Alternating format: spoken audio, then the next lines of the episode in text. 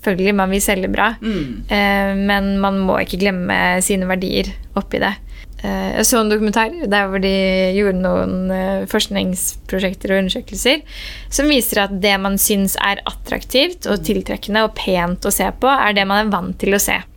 Og det man er vant til å se i magasinhylla, er jo eh, blande norske jenter. Ja. Men da er det på en måte vår jobb å endre det folk er vant til å se.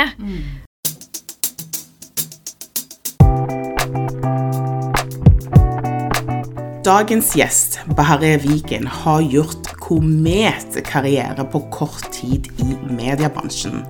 Hun er ny redaksjonsleder i NRK Nyheter og Ung, og har ansvaret for den strategiske satsingen på ungt publikum. Hun har jobbet i NRK som eh, programleder, bl.a. for eh, debattene under stortingsvalget i år. Og hun har òg jobbet med videoproduksjon og visuell historiefortelling på sosiale medier. Bahareh har tidligere jobbet hos eh, Supernytt, Egmont og VGTV, og har vært redaksjonssjef for magasinet Det Nye, hvor hun har jobbet bl.a. med å digitalisere magasinbransjen. Hun er styremedlem i Norwegian Online News Association og er utdanna journalist.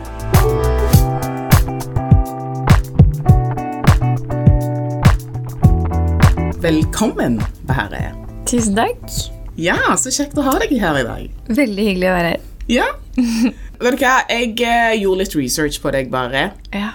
Og så må jeg si at eh, jeg oppdager noe som jeg aldri trodde eh, at du hadde eller kunne ha. Og jeg vet ikke hvorfor. Oh, hva var det? Men du har en motorsykkel. Ja. Mm. Nå ble jeg redd for at det var noe Ja. jeg hadde glemt. ja, det stemmer. Ja, jeg kjørte hit nå i dag. Men kjører hverdagen nesten. hva, hva motorsykkel er det?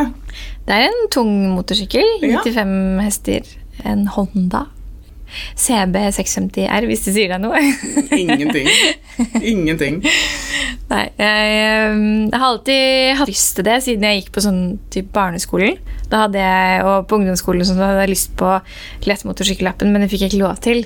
Så nå tar jeg litt igjen for det å kjøre på med tung motorsykkel. Oh, wow. Så du er sånn skikkelig biker chick?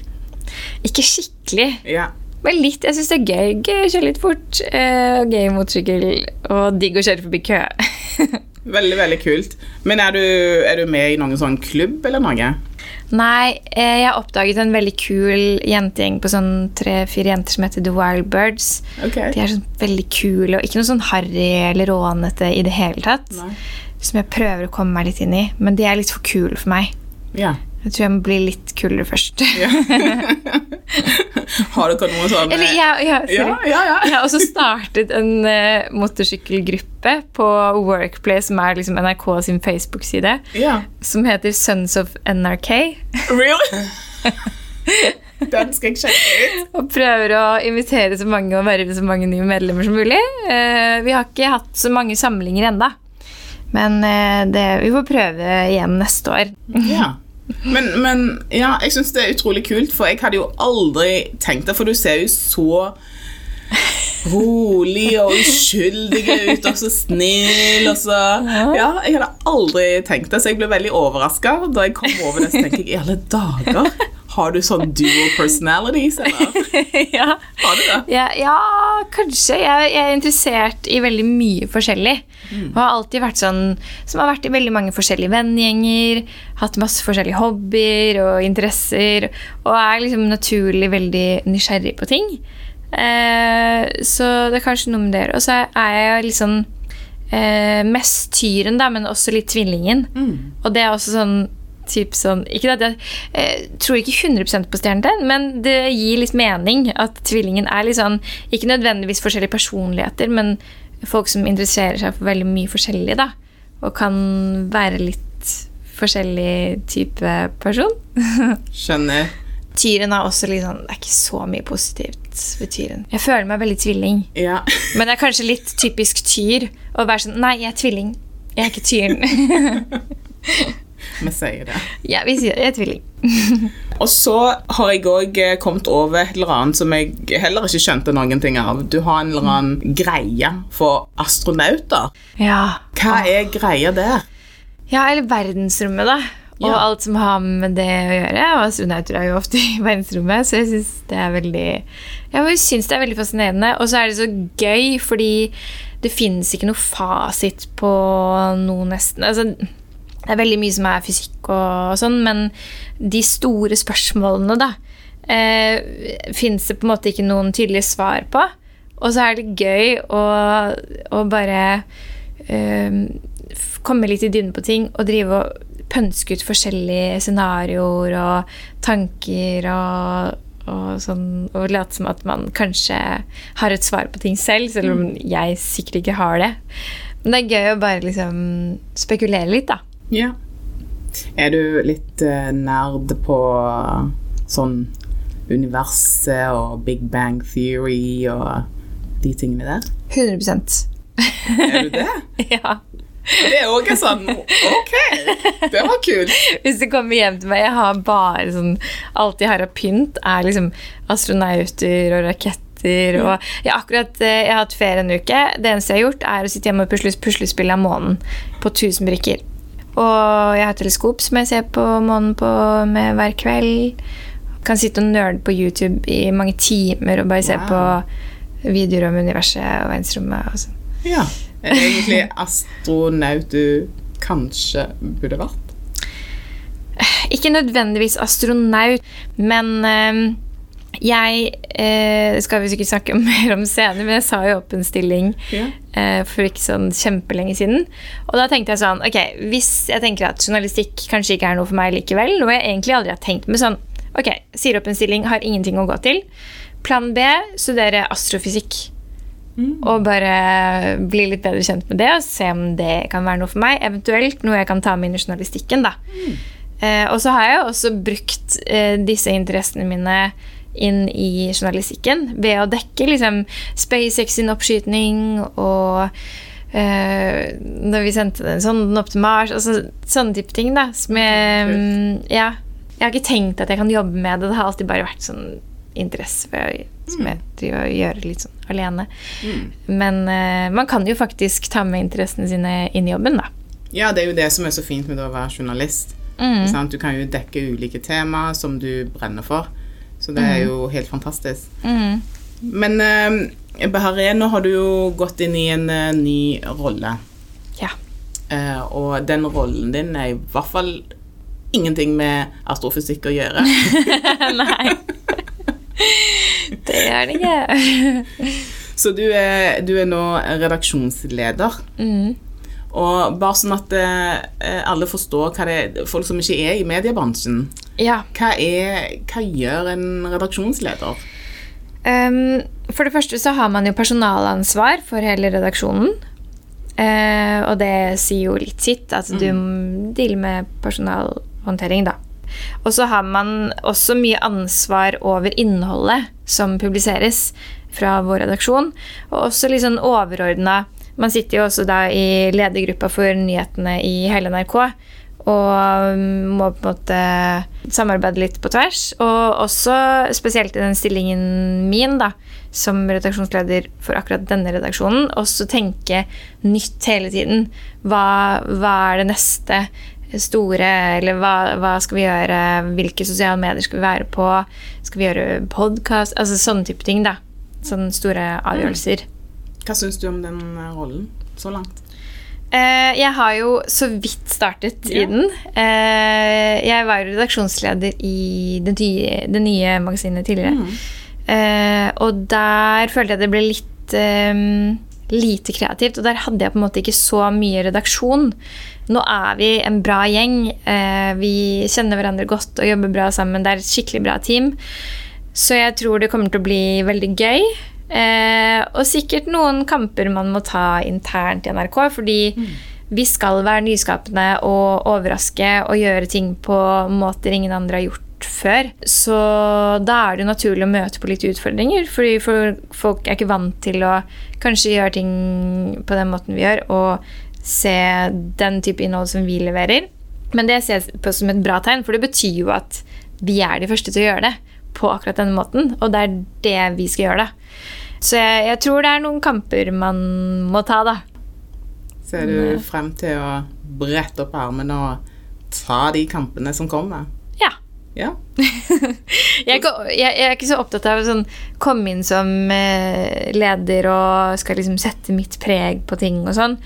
Jeg tenker sånn, Vi må dyrke det vi er gode på, eh, og så må vi bli enda bedre på andre ting. Vi er jo en redaksjon som er sammensatt av en veldig kreativ gjeng eh, med forskjellige interesser og egenskaper, og at alle på en måte får lov til å dyrke det de er gode på.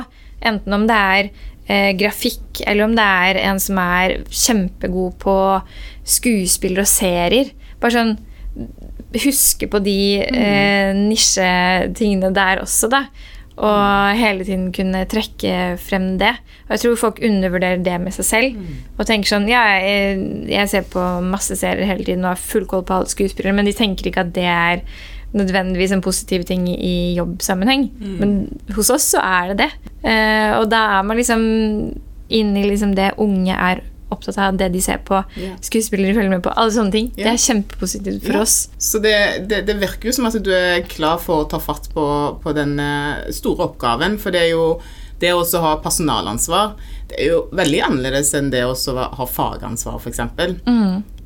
Og du har jo for så vidt vært litt inne på det at du eh, ikke ønsker å være en sånn type leder som kommer og så skal liksom, liksom sette de preg på ditt og Man burde endre på hele Ja, så, redaksjonen. Ja, snu alt. Ja, alt på hodet. Men, men, eh, men har du reflektert litt rundt hva, hva type leder du er? Eller i hvert fall ønsker å være? Ja, jeg ønsker å være en leder som eh, Altså, nå, nå er jeg veldig god venn med alle, fordi vi har jo jobbet mye sammen. Eh, I hvert fall stort sett de to siste årene, nesten med alle. Noen kommer litt senere, men vi kjenner hverandre veldig godt.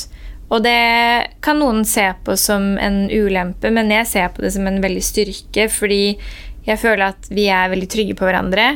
De forhåpentligvis føler seg trygge nok på meg til å åpne seg og fortelle om ting som er vanskelig. Og jeg også kan se de bedre, da. Og se på dem hvis det er noe. Eh, og hvis noen føler seg ukomfortable med noe, eller eh, eventuelt om de kjeder seg i jobben sin, hva som helst. Da kan man klare å plukke opp sånne ting lettere. Eh, eller hvis det er en konflikt mellom noen, eller sånne ting. Det er jeg veldig opptatt av å være en som ser folk for, som en og en person, og ikke bare tenker sånn på vegne av hele teamet. Eh, selv om vi er et team. Men eh, jeg vil at de skal føle at jeg ser dem, da. Ja. Og liksom høre på hva Ikke ta avgjørelser alene. Noen ganger så må man det, fordi øh, det blir diskusjoner, og folk har ulike meninger og får lov til å øh, mene forskjellig. Men, så da må man noen ganger komme inn som leder og ta en beslutning. Men øh, jeg vil at vi skal utvikle ting sammen, og at ikke jeg skal komme inn og bare si sånn Vi skal gjøre det, vi skal gjøre det. Men spørre sånn Hva vil dere gjøre? Hva tenker dere er lurt her? Eh, og hele tiden eh, ta med folk i prosessen og være så ærlig som mulig på også sånn store prosesser som skjer liksom over hodene på oss eh, hos ledergruppa og andre steder. Og hele tiden involvere alle i sånne prosesser òg, da. Tror jeg er veldig viktig. Og det, det tror jeg er sånne ting som sjefer ofte kan glemme. Eh, og så om det er liksom omorganisering, eller nå skal vi flytte plass, eller sånn, alt fra sånne type ting. Det er at man hele tiden varsler om sånne ting i forkant, for det er liksom endringer i hverdagen til folk. Eh, og så er man veldig oppdatert på det selv, og så glemmer man at resten av redaksjonen ikke er det. Nettopp. Eh, så det tenker jeg også er viktig å eh, være så ærlig som mulig. Ja. Og jeg tenker også det skal ikke nødvendigvis være ting jeg hører om i ledergruppa som jeg ikke skal kunne si til medarbeiderne. Da. Ja. Jeg skal jo kunne si alt og være ærlig om alt og informere. Ja, jeg syns det er veldig, veldig bra lederegenskap. Det at du tenker åpenhet og transparent. Sant? Og det, det er noe som jeg, jeg tenker er helt essensielt for å lykkes som en leder. I hvert fall, eh, i hvert fall nå. For før så var det jo noe som man kalte for command and control-type. ikke sant? At alt styres liksom Ja. fra toppen og ned, og så skal man liksom ha liksom en lederprofil som er litt sånn bak lukkede dører, og kontoret sitt så må du liksom banke på forsiktig. Jeg skal aldri ha eget kontor. Jeg Aldri. Jeg skal sitte i åpent landskap. Alltid. Men, men sant, det, det er jo noen ledere som er sånn òg. Mm. Men, eh, men den moderne lederen, det er jo en leder som er åpen og har en sånn open door policy, som det Mm. heter. At eh, du er en del av gjengen, eh, og du, eh, du er transparent på, på ting som skjer, da. Så Mm. jeg syns det er utrolig bra egenskap. Du i hvert fall, eh, det høres ut som en, du er en moderne leder. Jeg håper det. Ja, Jeg vil eh, Det det håper jeg virkelig. ja, ja. Det er målet. Ja, men det er kjempebra. Men så, så lurer jo jeg på en ting. Om dette her alltid har vært ambisjonen? Nei. At du Ja. ja. Hva har ambisjonen din vært når du har eh, startet i, eh, som, som journalist? Eh, Har, ja, hva har ambisjonen din vært? Altså, jeg sa jo opp en lederstilling i Eggmont og det nye, da. Eh, fordi jeg ikke ville være det. Nei. Så det er jo litt rart at jeg Ja. er det nå. Ja. Eh, men som jeg også nevnte litt i stad, var at eh, da var jeg på en måte leder på en annen måte. Da hadde jeg ikke en fast redaksjon som jeg satt og jobbet med hver dag. Det var mye digitalisering, men kanskje ikke nok for min del. Savna litt det og ville jobbe mer digitalt, og det gjør vi 100 nå. Eh, og er en bra gjeng som eh, er veldig kreative, og vi får lov til å prøve og feile og får liksom veldig mye rom og plass for det, eh, og blir veldig satsa på i NRK. Så jeg ser på det som en helt annen type stilling, selv om det heter redaksjonsleder begge Ja. steder, så føler jeg at det er en helt annen type stilling her Mm. enn det jeg hadde. Men eh, ambisjonen var ikke å gå inn i en lederstilling i NRK. Det var egentlig det motsatte. Jeg skulle ikke gå inn i en lederstilling. ja, det skjønner jeg. Men eh, så ble det det, og det eh, Jeg er veldig glad for det. Men når du, når du slutter i det nye eh, Så du har jo vært litt inne på det, men hva, hva var grunnen til at du, du slutta å ville ut? Jeg mm, følte at jeg trengte å produsere mer. At jeg ikke var ferdig med det. Jeg var vel eh, Hvor gammel var jeg da jeg fikk den stillingen? Um, 24, kanskje? Uh, noe sånt. Ja. Uh, og da er man jo fortsatt ganske ung. Og jeg var Jeg er veldig sånn rastløs og trenger å være kreativ og trenger å produsere innhold. Og Det skal jeg også fortsette nå, så mye jeg har tid til ved siden av redaksjonslederjobben. Og også kunne være journalist og programleder og gjøre litt kreative ting. Og lage videoer innimellom.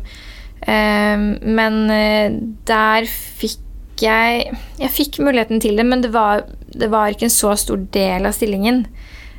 Så jeg savnet litt em, at de satset mer på digitalisering i magasinbransjen. Selv om de gjorde det, så gjorde de ikke det nok uh, i mine øyne. Nei. Og da følte jeg at jeg var på en måte med på et synkende skip. Ja. Uh, Istedenfor uh, eh, å skape en ny fremtid for magasinet, da. Så jeg, jeg følte at jeg satt i en stilling som egentlig ødela litt for magasinet. Det var liksom ikke riktig for verken meg eller produktet Mm. å jobbe på den måten. Og så ble det jo veldig mye eh, Veldig lite kreativt, da. Ja. Eh, og mye på kontor. Ja. Eh, og mye mail og møter. Så jeg, jeg ble litt rastløs og mista liksom litt gnisten. ja. Eh, jeg pleier å synes at det er veldig gøy på jobb, og jeg har det som regel alltid gøy. Og tenker at hvis jeg ikke har det gøy, så er det ikke jobben for meg.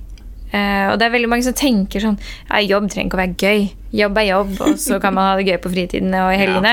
Ja. Eh, det er veldig mange som forsvinner litt inn i den Ja, ja. modusen og mindseten. Ja. Og så tror jeg Hvis man ikke har hatt det ordentlig gøy, men så vet man ikke hva man går glipp av heller. Og tenker at det er helt ok, den jobben jeg har nå. Jeg hører liksom flere venner som klager, og sånn, og da tenker jeg sånn Men gjør noe annet. Ikke bli fast i det løpet. Og jeg merker jo at jeg er en helt annen person nå Ja. enn jeg var i hvert fall det siste året der, og i hvert fall siste halvåret. Uh, og jeg var liksom følte meg liksom fanga, og du tilbringer jo veldig mye tid på jobb. Mm.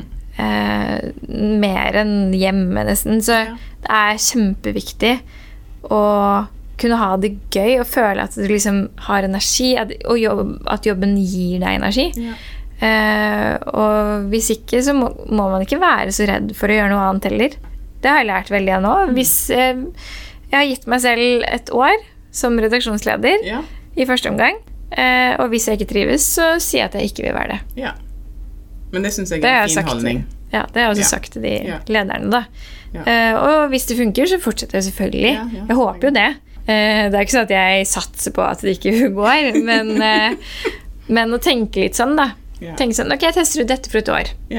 Eh, og så er det lettere å gå inn i noe man kanskje ikke Sånn som jeg var jo ikke innstilt på det her. Det var ikke det som var målet mitt. Men da er det lettere å gjøre det og tenke liksom at jeg gir alt, jeg går all in, og jeg gjør det eh, for et år. Yeah. Og gi seg selv en sånn testperiode. Eh, og som regel så går det fint, og så gjør man det lenger. Men det er lettere å finne motivasjonen og tenke sånn Ok, jeg Ja. på med det her. Men jeg syns det høres jo veldig klokt ut. Eh, For du høres ikke ut som du kommer til å være en av de lederne som tviholder på stillingen til du pensjonerer deg. Nei, det Nå er min eh, verste frykt. altså, jeg, jeg tenker sånn Det er jo det er jo veldig mange som har vært i stillingen sin i mange mange år, som er superdyktige og flinke Ja. til det. Men jeg tror jeg er for rastløs. Eh, og det var, det var også en av grunnene til at jeg sa opp i det nye, at eh, det var på en måte ikke så mye neste steg for meg internt, bortsett fra lederstillinger det, var, det er jo et stort mediehus. NRK er jo mye større, så her er det mange flere muligheter. Og både innenfor nyheter, og det er dokumentar, det er underholdning, det er masse forskjellig man kan gjøre. Eh, og ofte folk som på en måte prøver seg litt her og der over et år eller to. Eh, og så kommer man tilbake. Men jeg var veldig redd for å bli slukt inn i en sånn stilling jeg ikke var 100 fornøyd med. Eh, og tenkte sånn Hvis jeg ikke sier opp nå, så kommer jeg til å bli stuck her i de neste 40 årene. Såpass. Ja, 40, 50, 60 Ja. Eller det er jo veldig fort at det skjer, da. Yes. At man forblir i den stillingen Ja. resten av livet. Det var jo flere av lederne mine der som hadde jobbet der i 40 år. yes. Ja. Og det var også kanskje litt av grunnen til at det ikke var så digitalt. Fordi det er jo naturlig da, når du har jobbet et sted i 40 år, at du kan den ene De er kjempeflinke på magasin. Og de kan alt om magasin. Og så er man kanskje litt redd for det digitale, da. Så der også møter man jo litt på liksom motstand, da. Ja. Selv om de, er liksom, de, er, vi, de sier vi må satse digitalt, og så vet man ikke helt hvordan. Og det er ikke så rart, fordi man har ikke jobbet med det selv. Jeg tenker jo at uh, endring er jo ofte vondt og vanskelig. Ja, absolutt. og og som, som leder så kan du jo komme borti situasjoner hvor du må gjøre noen reelle endringer som påvirker folk. Eh, og du kommer kanskje til å sannsynligvis til å møte motstand, da. Mm. Hvordan kommer du til å håndtere det, tror du? Um, jeg tenker at uh, hvis vi på en måte må gjøre en eller annen drastisk endring, så er det viktig å, at alle er informert i forkant. Og at man kan uh, ikke bare informere om det, men også snakke om det. Uh, si 'Jeg har fått beskjed om at vi må gjøre dette'. Eh, hva tenker dere? Hvordan skal vi gjøre det? Og involvere de i prosessen. Og også tørre å utfordre sine ledere igjen. da på at eh, Men mine ansatte har lyst til å gjøre det på denne måten. Kan vi prøve å møtes på midten? Kan vi prøve å eh, endre litt på det, da? Fordi ofte så kommer jo sånne beslutninger litt sånn Ja, vi bare gjør det sånn. Og så tenker man at eh, det er greit, og så vet man kanskje ikke konsekvensen av det. Eh, og så går man på en måte ned på gulvet og hører en annen eh, opplevelse av den saken. Og så glemmer man å ta det tilbake. Sånn at eh, man ikke føler seg hørt. Og det Ja. tror jeg er det viktigste Mm. i sånne type prosesser, enten om det er omorganisering eller hva som helst. At eh, eh, jeg opplever i hvert fall at eh, hvis man tar det tilbake, så blir man faktisk hørt av lederne. De vil jo de vil jo bare det beste for sine ansatte. Og det er derfor også ofte endring skjer.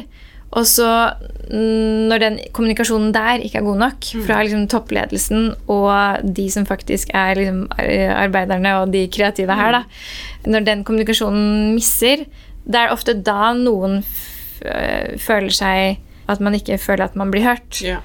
Fordi man glemmer å ta det tilbake. Og man glemmer at man kanskje har en mulighet til Ja. å ta det tilbake. Mm. Og må tørre liksom å ta litt kamper ja. for sine ansatte, da. Men du er jo eh, nokså ung. Mm. Ung og lovende, kaller jeg deg. du er jo det. Ja, det er hyggelig. Men, men eh, i, den, eh, i den karrieren som du har hatt så langt, hva er det som har eh, vært viktig for deg? Alt, egentlig. Mm. Det er litt kjedelig svar, men sånn eh, Selv om jeg har gjort ting som jeg har tenkt sånn Ok, dette er ikke helt for meg, kanskje, men jeg tester, tester det. Eh, og selv om jeg har sagt opp stillinger og sagt ja til stillinger jeg ikke har vært helt sikker på, så har jeg aldri angra på det. Jeg har aldri tenkt at noe er bortkasta, eller jeg skulle gjort det istedenfor det. Jeg tenker aldri sånn. Jeg tenker bare at jeg Greit, jeg er i den stillingen her. La meg bare utnytte det så mye som mulig og lære så mye som mulig. Og få prøve å sitte igjen med en god opplevelse uansett. Eh, og det har jo, når jeg ser tilbake på det i etterkant, og det er ofte litt vanskelig å se der og da, men jeg har jo fått et enormt stort nettverk, jeg har fått masse kompetanse, og også funnet ut av hva jeg ikke liker å gjøre. Og det er minst like viktig som å finne ut av hva du liker å gjøre. Ja. Eh, så uansett hva jeg har gjort, så har jeg aldri tenkt at det har vært noe negativt. Alt fra liksom første jobben min som eh, i Supernytt da, til det nye julebladet. Altså, jeg har aldri Jeg har alltid følt at jeg har eh, den jobben som er riktig for meg akkurat nå. Og så er det eh, liksom Det har ikke vært forskjell på hva jeg har følt at jeg skal gjøre nå, men det har vært forskjell på hva jeg har følt at jeg skal gjøre de fem neste årene. da. Ja. Jeg tenker sånn, ok, jeg har lyst til å være her i fem år. Eh, eller tenker jeg kanskje at eh, ok, jeg er her, men jeg er her for et år. Eller to. Men aldri under et år. Ok. Ja, skjønner. For det tar jo litt tid å komme seg inn i ting. Det tar jo kanskje ett år bare for å komme seg inn i en Ja, du må gi det en ordentlig sjanse. Jeg var jo i det nye to år. Og også sånn Det kommer til å følge med deg på CV-en resten av livet, da. Mm. Og man må huske på det og også kunne argumentere og forsvare for arbeidsgivere senere hvorfor Ja. du valgte å gå eventuelt under et år. Da. da stiller man ofte litt større spørsmålstegn til det enn hvis det går lengre tid. Og det kan være en helt naturlig grunn til å gå under et år, men eh, jeg tenker i hvert fall at det er lurt å la det gå et år. Og du taper ingenting på et år. Nei. Et år til eller fra har ikke så mye å si. Man må slutte å stresse for mye, i hvert fall når man er så ung. Ja, jeg tenker det. Jeg tenker det, Jeg er helt enig med deg. Eh, to år, det er mikroskopisk i Ja, ja. forhold til liksom de, hvor mange titalls årene du skal jobbe. Ja, Så ja, ta tiden man trenger Mm. for å finne ut av ting. Eh, og så lurte jeg òg på en ting. Er du nervøs nå? Mm. Ja. du ser nervøs ut. Ingenting skummelt. Nei da. Det jeg lurte på, bare her er hvorfor eh, mediebransjen? Hmm. For jeg er jo ny i bransjen. Jeg hadde jo aldri tenkt på bransjen som en mulighet engang. Um, og jeg vet ikke hvorfor, men jeg, det har bare aldri vært på radaren min. Men det er jo en kjempespennende bransje. Veldig. Eh, men nå har jo vi to veldig ulike bakgrunn, da. Ja. Sant? Men, men jeg bare lurer på hva er, det, hva er det som gjorde at du valgte mediebransjen? Um, det var litt tilfeldig og litt ikke tilfeldig. Ja. Eh, Da jeg gikk på videregående, så gikk jeg musikklinja og skulle bli musiker. og jeg har alltid drevet med musikk hele livet. Men så har jeg alltid vært veldig glad i å skrive. Norsk har liksom alltid vært favorittfaget, fordi da fikk jeg lov til å skrive historier og sånn. Og så ble jeg mer og mer glad i det, samtidig som jeg ble mindre og mindre glad i musikkdelen. Eller jeg fant ut at det kanskje ikke var noe for meg. Eh, Så fant jeg liksom ut at det var kanskje noe innenfor skriving eller noe innenfor media. Visste ikke helt hva. Og så søkte jeg meg faktisk inn på en linje som heter politikk, filosofi og økonomi i England. Eh, Så dro jeg til Zimbabwe og bodde der noen måneder. Eh, og mens jeg var der, så var jeg veldig sånn, fikk litt sånn aha-opplevelse med at det er jo ikke politikk, økonomi og filosofi jeg skal studere og drive med. Mm. jeg skal jobbe med å fortelle f.eks. For disse historiene jeg hører her. Ja. For det var så mye eh, historier og mennesker jeg møtte som jeg var sånn Alle burde møte denne personen. Ja. Du burde snakke til flere enn meg, fordi du sier så mye interessant og har opplevd så mye som ingen andre har opplevd, som jeg kjenner, i hvert fall. Eh, Så der fikk jeg sånn veldig sånn ah, Jeg har lyst til å fortelle historier. Jeg har lyst til å snakke med mennesker og fortelle deres historier.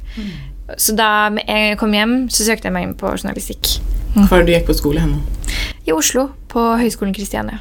Det er tre år, det. Ja. Var det kjekt? Veldig. Ja. Det er jo litt sånn Det blir jo hva du gjør det til selv. Og sånn er det jo ofte sånn på høyere utdanning at eh, du har jo skoletimer og fag og pensum og sånn, men eh, det er veldig mye praktisk. Nå hadde vi mye klasseundervisning, men det er ofte mye forelesninger også. Og da er det sånn Det er ingen som hysjer på deg du, eller ber deg følge med og konsentrere deg hvis du ikke gjør det. Så du må på en måte ta det ansvaret selv. Ja. Og så har man jo også praksisperiode, og da finner man ut virkelig ut om man vil eller ikke. Om det er noe for meg eller ikke. Det var liksom 50-50. Halvparten eh, ble ikke journalister, og Ja. halvparten Ja. jobber med det Ja. i dag. Hvorfor tror du noen falt, falt ut? Jeg tipper at for noen så var det kanskje sånn greie de skulle teste, da.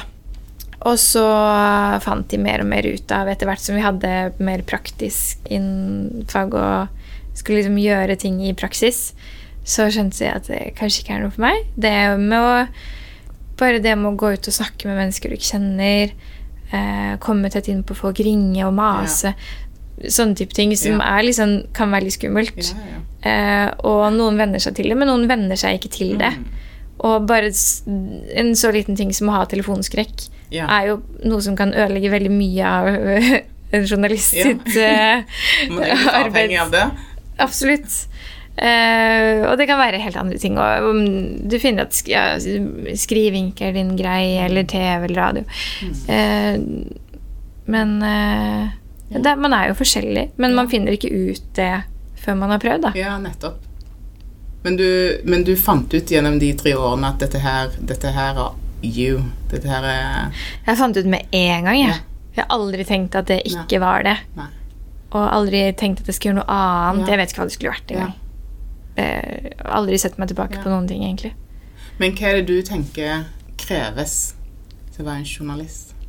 Eh, man må være veldig nysgjerrig Ja. eh, og glad i å snakke med mennesker. Kunne sette seg litt raskt inn i nye situasjoner og temaer og hendelser. Og det krever jo også en viss nysgjerrighet. En sånn genuin nysgjerrighet som bare ligger i bunn, uansett hva det er. Du må ha den store nysgjerrigheten i bånn. Og, liksom, eh, og ikke nødvendigvis være glad i å skrive. Det er jo veldig mange forskjellige former for journalistikk. Men historiefortelling, da, og ha lyst til å på en måte dele et slags budskap, er jo også veldig viktig. Og Ja. også innenfor nyheter og være, synes at det er gøy å vite hva som skjer hele tiden, og holde seg oppdatert og sånn, da. Ja. Men det jeg syns er veldig kult eh, med deg? Jeg har jo eh, sett deg på TV hvor du har hatt disse korte forklaringene på eh, det som skjer i litt sånn komplekse ting. Ja. Og da har jeg sittet og tenkt at eh, fy søren, hun er god til å formidle. Hvis hun hadde sagt til meg nå at jorda var flat, så hadde jeg faktisk begynt å stille spørsmål rundt det. For, men jeg, jeg syns du har en vanvittig formidlingsevne. Veldig sånn rolig, er sindig og sant? behagelig. Så har du noen gang tenkt eh, over liksom din, din påvirkning på de som mottar det budskapet som du, som du formidler? Uh, ja, ikke på den måten der, men uh, jeg har ikke tenkt at jeg har en så stor uh, formidlingskraft. Men samtidig så er jo journalistikkyrket og mediebransjen er liksom de kaller det for den tredje statsmakt. Det er liksom, Du har ekstremt mye makt og påvirkning, og det skal man ikke undervurdere. Eh, det er, kan være faktisk rett og slett farlig å skrive noe feil. Eller skrive noe som ikke er sant. Mm. eller prøve å påvirke en sak i en viss retning. Og Man skal være nøytral hele veien. Man skal dekke begge sider av en sak. Man skal ha alle fakta på plass og ha gjort researchen sin. da. Eh, så det er jo noe jeg tenker mye på, og jobber masse med, i, spesielt i forkant i eh, research- og manusprosessen. Eh, både med tanke på hvilke kilder man ringer og eh, Ikke nødvendigvis intervjuer, men gjør researchsamtaler med. At det ikke bare skal være kilder som mener det, men da skal du, hvis du ringer to kilder som mener det, skal du i hvert fall ringe to kilder som mener noe annet. Eh, og hele tiden passe på sånne ting. Og passe på ord man bruker, formuleringer. Eh, glemme sine egne meninger. Jeg har jo null egne meninger etter å ha blitt journalist. sånn, Hva mener du om den saken? Nei, jeg vet ikke, men jeg lagde en Ifølge saken jeg har laget, så er det jo sånn og sånn, og den siden mener det, og den siden mener det. Så jeg har blitt veldig nøytral av å være journalist. Ja. Men det er veldig viktig å ikke putte sine egne meninger og, inn i det, og stille nøytrale spørsmål og, på begge sider av saken, da. Ja. Hm, spennende. Og så tenkte jeg jo eh, litt på denne reisen din, og du har jo vært eh, inne på mm, reisen din ifra du liksom kjente på at altså, journalist det var liksom den veien for deg, og til der du er nå. Men i løpet av den perioden, da, hva ville du ha trukket frem som noen av de mest Hvis du skulle trukket frem topp tre mm. utfordringer som du har vært borti, som, du virkelig, som virkelig har krevd eh, noe av deg. um, det første jeg kommer på, er liksom eh, første uka i første jobben min i Supernytt. Hvor jeg var liksom sånn Det er eneste gangen jeg har tenkt dette er ikke noe for meg. Ja. Jeg føler ikke at jeg klarte noen ting. Ja. Men der var det veldig, du jobber veldig selvstendig. Alle er videojournalister. Du får et kamera i hånda og skal lage en sak fra start til slutt. Ja. Og har egentlig aldri gjort det før. Ja. Og film og klipp og intervju og alt selv på en gang. Eh, men eh, det er også den perioden jeg kanskje utviklet meg mest. Selv om jeg utvikler meg hele tiden, eh, eller jeg er veldig opptatt av å utvikle meg hele tiden. Hvis ikke så tenker jeg at jeg må skifte retning. Eh, men der fikk jeg en veldig rask utvikling. Fra å ikke kunne noe til å kunne lage en helt egen reportasje som blir sendt på TV på egen hånd. En annen ting er jo dette med magasinbransjen og mangfoldet der. Eh, som eh, må jobbes litt med Ja. fortsatt. Eh, og som jeg også jobba veldig mye med. Jeg var veldig opptatt av at covermodellene aldri bare skulle være modeller. Ja. Det skulle være jenter som hadde en historie å fortelle, eller som gjorde noe aktuelt som kunne inspirere andre. Uavhengig av hvordan man ser ut. Ja. Eh, men jeg var jo veldig opptatt av å ha et visst mangfold på cover utseendemessig òg. Men jeg kunne oppleve at ledelsen var veldig sånn Etter å ha gått gjennom alle coverne for året før Mm. Dette skjedde første uka i stillingen. Ja. Så gikk de gjennom coverne for alle utgavene året før. Og konkluderte med at ja, så da kan vi konkludere med at det er norske, hvite, tynne jenter som selger best. Ja. Eh, med blondt øyne og Ja. eh, Og da ble jeg sånn eh, Er det så lurt å konkludere med det, egentlig? Ja. Eh, og det var på en måte ikke 100% det eh, salgstallene viste heller. Så jeg skjønte ikke Det er veldig sånn Det var gammeldags i mine øyne yeah. å tenke det å si det høyt. Yeah. Eh, og kunne møte på utfordringer som hvis jeg foreslo en modell Eller ikke en modell, en person eh, som ikke var modell. Eh, F.eks. en artist som var utenlandsk. Eh, så kunne jeg få et Nei, eh, vi tar ikke den personen her. Tror ikke hun er kommersiell nok. Ja. Og sånne type ting som er sånn Åh, det var så vanskelig å håndtere. Fordi jeg brenner så for det selv. Og jeg vet også at unge jenter som er mål vår målgruppe, er også veldig opptatt av det. Og de vil ha mangfold. Uh, og de krever det av oss. Og spesielt av det nye, kanskje, som ikke kun er et rent motemagasin.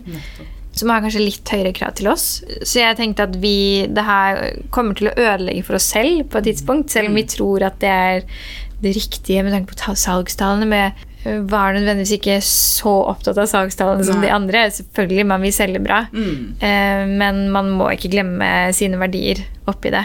Eh, jeg så en dokumentar der hvor de gjorde noen eh, forskningsprosjekter og undersøkelser som viser at det man syns er attraktivt og tiltrekkende og pent å se på, er det man er vant til å se. Og det man er vant til å se i magasinhylla, er jo eh, blande norske jenter. Ja. Men da er det på en måte vår jobb å endre det folk er vant til å se. Og at det også inkluderer mer da, enn det. Uh, både ja, når det kommer til alt av mangfold, egentlig. Så tenker jeg sånn, Det er en sånn tilvenningsfase, men den skjer ikke hvis ikke vi gjør det. Ja, noen må starte. Ja, noen må starte. Ja. Så jeg følte at uh, jeg fikk jo til mye der, men ikke nok Nei. i forhold til det jeg hadde lyst til, da. Tror ikke folk tør å ta så mange sjanser. Jeg er ikke så redd for det. Nei. Nei, men det er veldig godt å høre. For vi trenger jo personer sånn som deg i bransjen nettopp for å utfordre. Hva er det tredje? Åh, eh, hva er det tredje? Det må jo være de tingene jeg har gjort rundt sånn valgprosjektene, USA-valg og stortingsvalg nå, eh, de to siste større tingene jeg har gjort. Og liksom koronapandemiperioden, hvor jeg jobbet mye mer eh, som programleder og mye mer med TV. Ja. Og kombinert det også og på en måte prøvd å digitalisere den jobben der. da. Eh, og jobbet mye med publikum og liksom lage saker. Jeg har endret Altså, måten vi har jobbet på der, har endret uh, måten jeg jobber journalistisk på nå. Ja. Fordi nå er jeg, uansett hva jeg lager, så går jeg ut og spør folk hva syns du om denne saken. Hva lurer du på om det? Og definere litt saken ut ifra det. da. Man har liksom endra litt yeah. måten man jobber på i forkant yeah. og underveis. Men du følte at det utfordra deg en del? Absolutt. Yeah. Veldig. Eh, men samtidig så eh, følte jeg meg veldig komfortabel, og jeg hadde det veldig gøy. Så det var ikke sånn at det bare var stressende og man var nervøs og sånn. Jeg tenker sånn, det, det, Man må være litt nervøs, sånn rett før i hvert fall. Men hvis nervøsiteten og stresset tar overhånd, forsvinner gleden litt Ja. ved det. Og så får man ikke like mye mestringsfølelse og adrenalin i etterkant. da. Og så blir man mer sliten etterpå. Mm.